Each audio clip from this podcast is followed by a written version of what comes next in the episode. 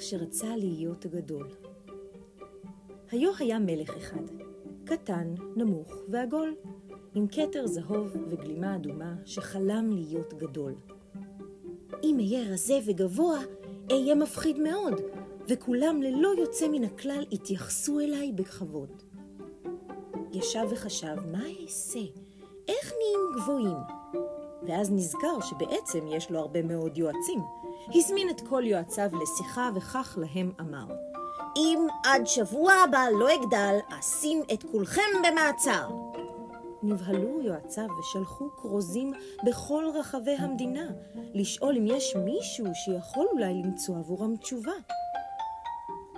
איך הופכים מלך קטן, נמוך ומצחיק ועגול למלך רזה, גבוה, מפחיד ובקיצור מאוד גדול? עבר יום, עברו יומיים, ולא נמצאה תשובה.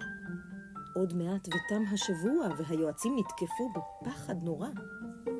ביום השישי בא לארמון נער אחד קטון, עם מעיל ומקל ושק על גבו. הביאו אותי אל הוד מלכותו! עמד הנער לפני המלך, וכך להוד מעלתו אמר, אתה מלכי קטן ועגול, וכך תישאר גם מחר. כעס המלך כעס היום, הכניסו אותו למעצר עוד היום! בתא המעצר פרק את שקו, והוציא ערימת לבנים מתוכו. שם אבן על אבן, ושתיים ועוד שתיים, ועמד עליהן גבוה כפליים. לעת ערב בא המלך לבקר בתא העציר. הציץ בחלום, שפשף את עיניו, ומיד בקול גדול הצהיר.